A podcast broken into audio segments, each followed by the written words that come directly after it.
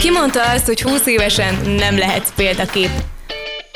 A Magyar Ifjúsági Központ YZ intézete, a Paprika Rádió és a K Plus program felhívást tett közzé olyan aktív, 20-as éveikben járó fiatalok bemutatására, akik tehetségükkel és tevékenységükkel kimagasló eredményeket értek el. Célunk 20 olyan fiatal bemutatása, akik az üzleti élet, kultúra, tudomány, sport vagy közélet kategóriában egyedülálló és Kolozsvárhoz köthető teljesítményt mutatnak fel. 20-20 éves tehetség 2020-ban. November 25-től szerdánként 19 9 órától a Paprikán.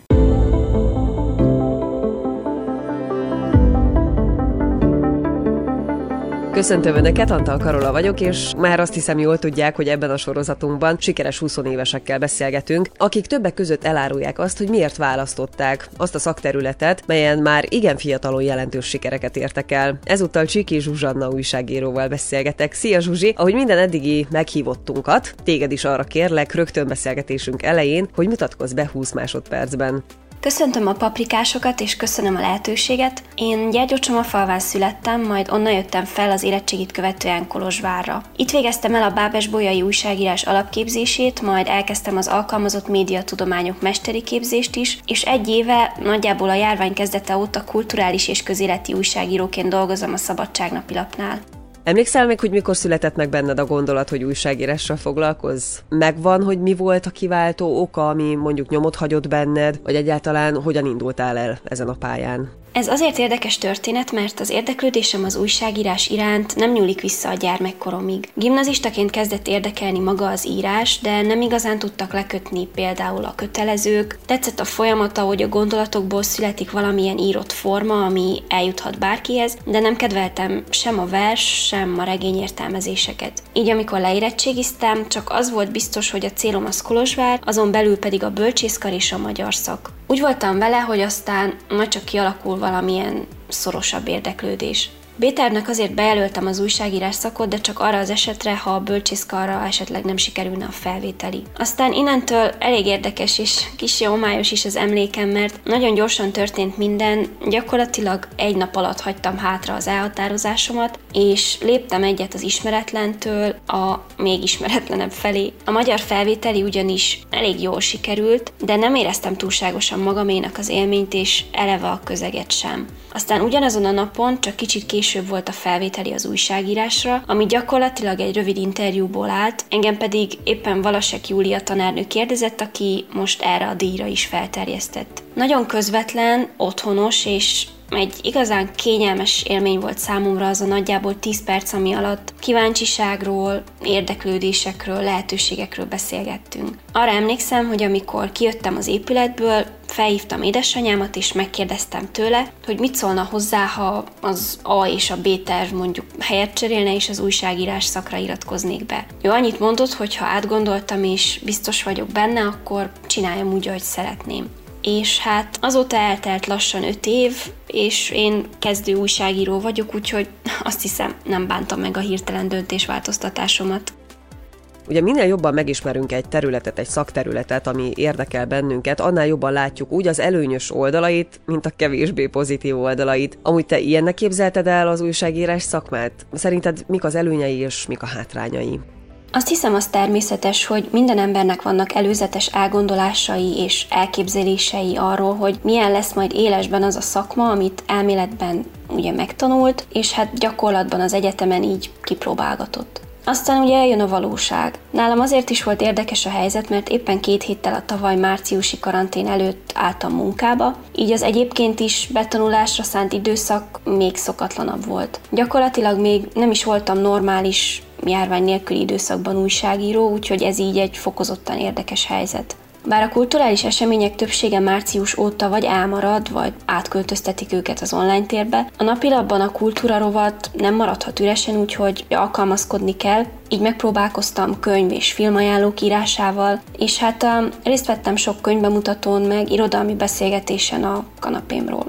Az újságírás előnyeként mindenképp azt említeném meg elsősorban, hogy segít képben lenni a világgal, felvenni a világnak a ritmusát, és segít a tájékozott maradni. Ugyanakkor azt hiszem, hogy az egyik hátránya is valahol itt érhető tetten, mert nehéz ebből az állandó hírözömből kiszakadni. Az elmúlt egy évben nekem is gyakran esett volna jól, hogy ne olvassak híreket pár napig, de ez valahogy ebben a szakmában nem igazán kivitelezhető. Előny például az is, hogy nagyon sok érdekes szituációt, helyzetet környezetet ismerhetek meg a munkám során. Az egyik kedvenc, nemrég megtapasztalt élményem ezzel kapcsolatban az volt, amikor riportot készítettünk egy fotós kollégámmal egy bölcsőde adventi mindennapjairól. És ott a gyerekek között derült ki számomra, hogy azért van még mindig pár olyan hely, ahol nem állandó téma a koronavírus, és ahol nem uralkodott még el teljesen a bizonytalanság, meg ez az aggodalom. És ez az élmény pedig hetekig tartó löketet adott aztán nekem. A legfontosabb előny vagy pozitívum azonban,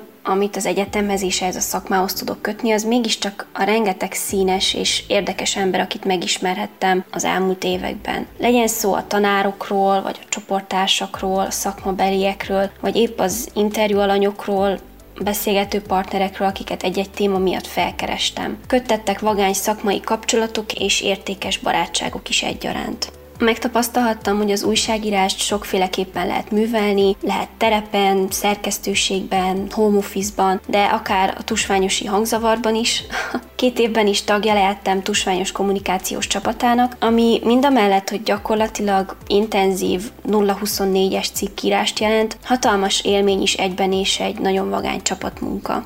Vannak olyan témák, olyan kedvenc témaköreid, melyekkel szívesen foglalkoznál hosszabb távon is? Mindig érdekelt a történelemnek az a szelete, amit az emberek mesélnek el a saját tapasztalataik alapján. Már egészen kicsi koromtól szerettem hallgatni, ahogy a nagyszüleim vagy az idős rokonok, ismerősök meséltek a régi időkről. Falun ez valahogy amúgy is egy ilyen természetes elfoglaltság volt. Aztán az államvizsga filmemet is ilyen történetekre építettem, készítettem egy rövid dokumentumfilmet, amelyben Gyergyó környéki asszonyok mesélnek a második világháborús emlékeikről. Arról az időszakról, amikor férj, apa vagy fiú testvér nélkül magukra maradtak, és így kellett helytállniuk teljesen új szerepkörökben. Azért tartottam fontosnak ezt a témát, mert a háborúban harcoló, majd a fogságban raboskodó katonákról számos film, könyv, beszámoló, visszaemlékezés született, de eközben az otthon maradt nők is megvívták azért a maguk kis háborúikat. A filmem alanyai között volt például olyan, aki négy éven át nevelkedett apa nélkül, de volt olyan is, aki hat hónapos kisbabával maradt egyedül, és a férje soha nem tért haza.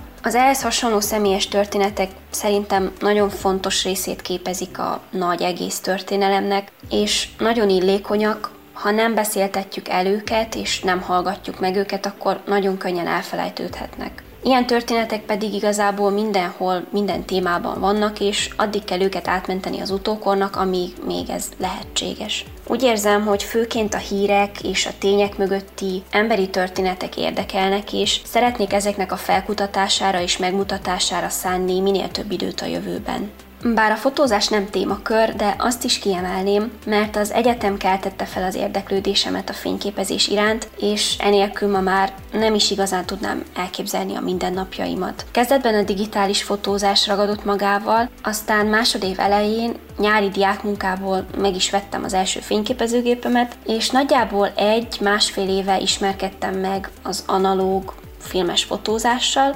Bekerültem egy nagyon jó társaságba, ahol elkezdett érdekelni ez az egész folyamat, meg ez az egész világ. A filmre fotózás, a filmhívás, a szkennelés és a nagyítás által pedig a fényképezésnek egy egészen más világát ismertem meg, ami sokkal több türelmet és elengedést igényel, mert az ember soha nem lehet teljesen biztos az eredményben, van, hogy a 36 képkockából csak egy kép használható fotó lesz, viszont az is igaz, hogy a sikerek sokkal élénkebbek és intenzívebbek, mint a digitális fotózásnál. Számomra egészen más minősül jó fotónak a digitális, és az analóg világban. Véleményed szerint milyenek kell legyenek azok a fiatalok, akik újságírók szeretnének lenni, melyek egy jó, feltörekvő újságíró velejárói? Mindig mondják, hogy a jó újságíró kíváncsi, kommunikatív, bátor és törtető, de mindezeken túl az általam ismert újságírók mindegyike ilyen különc figura. Mindegyikükben van valami nem tipikus, de elengedhetetlen jellemző, ami jóvá teszi őket abban, amit csinálnak. Szerintem, ha valakiben megvan az érdeklődés az újságírás szakma iránt, akkor meg tudja tanulni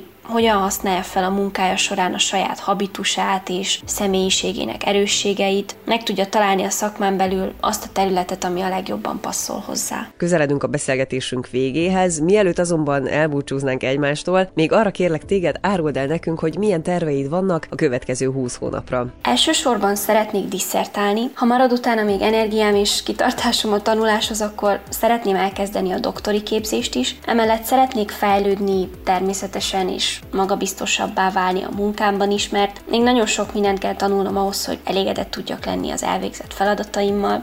Ezen kívül szeretnék jogosítványt szerezni, és hát azt se bánnám, ha lehetne már egy kis tánc, vagy fesztivál vagy együttlét, de addig, amíg mindez újra lehetővé válik, van pár folyamatban lévő fotós és egyéb projekt, meg teendő, amivel a négy fal között is tudok foglalkozni. Most például ilyen ugye a disszertációm, vagy ilyen a Kantor projekt, a Kantoreszk elnevezésű szakkollégiumi projektünk, ami egy nagyon izgalmas és összetett folyamat. Kántor Lajos Kolozsvári irodalomtörténész hagyatékával foglalkozunk, videóinterjúkat és egyéb tartalmakat készítünk az örökség feltérképezésére, és nagyon érdekes megfigyelni, ahogy a weboldal, amit ebből a célból létrehoztunk, közösségi megmozdulásokat eredményez. Köszönöm neked ezt a beszélgetést. Sorozatunk egy újabb részének végéhez érkeztünk, az előzőekben pedig Csiki Zsuzsanna fiatal újságíróval beszélgettem. Én Antal Karola vagyok, köszönöm, hogy velünk tartottak.